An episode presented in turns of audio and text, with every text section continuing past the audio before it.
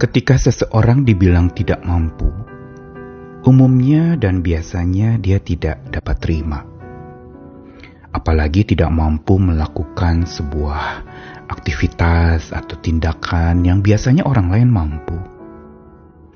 Atau tidak mampu juga di dalam masalah keuangan.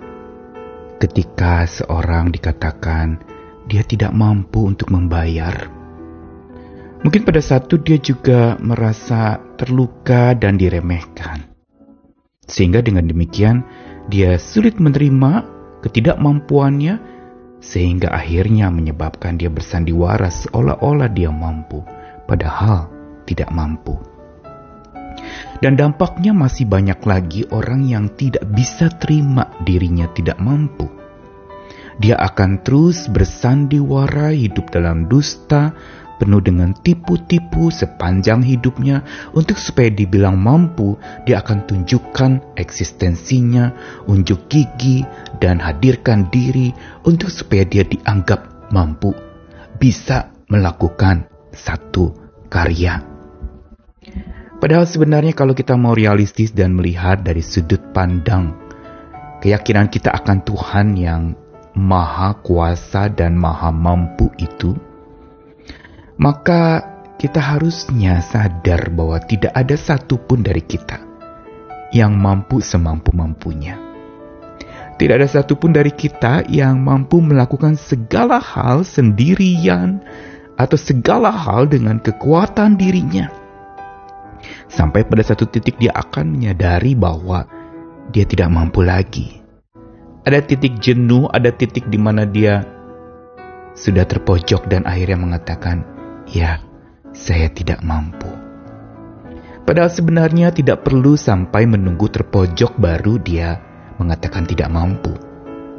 Sebagai pribadi yang baik dan bijak, tentunya kita harus sadar bahwa ada bagian-bagian dalam hidup kita yang tidak mungkin kita lakukan sendiri. Karena itu kita perlu terima diri tidak mampu. Atau setidaknya terima diri ada sebagian dari diri kita yang tidak mampu. Setiap kita sesungguhnya membawa kecacatan dan ketidakmampuan masing-masing. Hanya sering kali tidak disadari, sering kali disangkali, diingkari, karena dia tidak mau terima diri tidak mampu. Karena itu mari kita perlu belajar untuk menerimanya. Dengan cara apa? Saya Nikolas Kurniawan menemani di dalam Sabda Tuhan hari ini satu ayat dari Yohanes pasal 15 ketika Injil Yohanes ini berbicara tentang Yesus sebagai pokok anggur.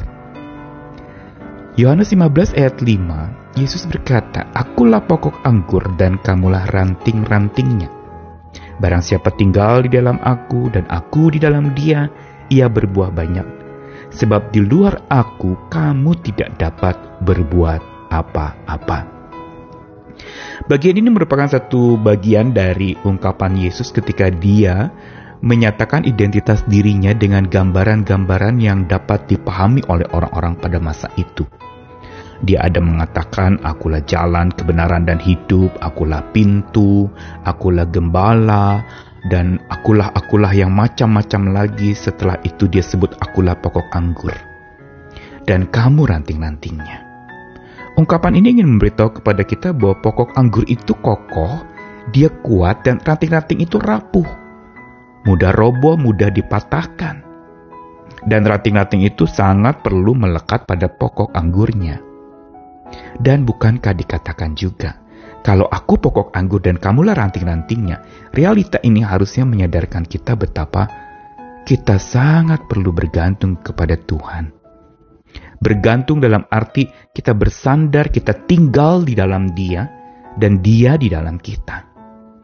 Ini rahasia untuk supaya kita bisa terima diri kita tidak mampu. Yaitu apa? Kita harus terima dulu bahwa Allah Maha Mampu dia adalah sang pengampu hidup kita, dia menopang hidup kita. Tapi dia juga bukan saja menopang, tapi dia menolong kita agar mampu melakukan apa yang kita perlu lakukan. Dan sang pengampu serta pemampu hidup itulah yang menjadi sandaran kita yang utama untuk kita bisa terima diri kita tidak mampu. Terima diri tidak mampu bukan menjadi minder lalu kemudian merasa tidak layak atau menjauhi orang lain menjadi antisosial. Tetapi terima diri tidak mampu itu berangkat dari sebuah spiritual bahwa sang pengampu dan pemampu hidup saya Dialah yang jadi sandaran saya, yang membuat saya kalau saya bisa melakukan itu karena Tuhan. Kalau saya tidak bisa melakukan itu juga adalah bagian Tuhan. Yang berarti semua bersandar dan bergantung kepada dia yang mengampu hidup saya, menopang saya, sekaligus memampukan hidup saya untuk mampu melakukan apa pun juga.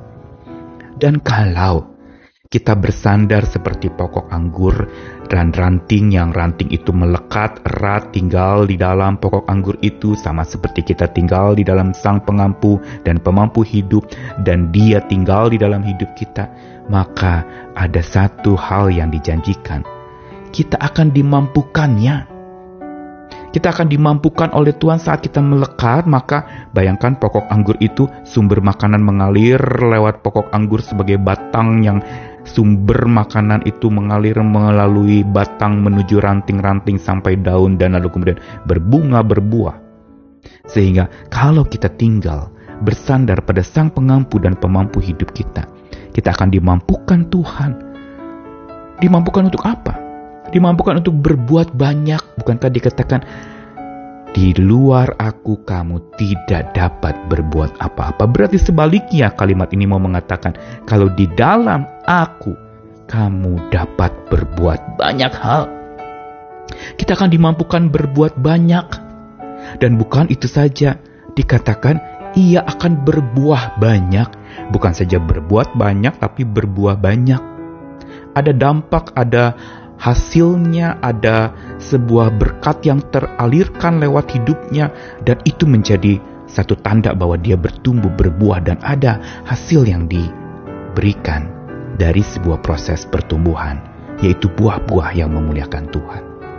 Karenanya hari ini kalau kita sedang merasa diri tidak mampu, terimalah dulu.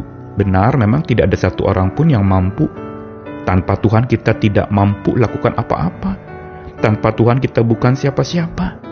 Tanpa Tuhan kita tidak punya apa-apa. Tetapi bersama dengan Tuhan, kita bisa melakukannya. Karenanya tetaplah tinggal di dalam dia.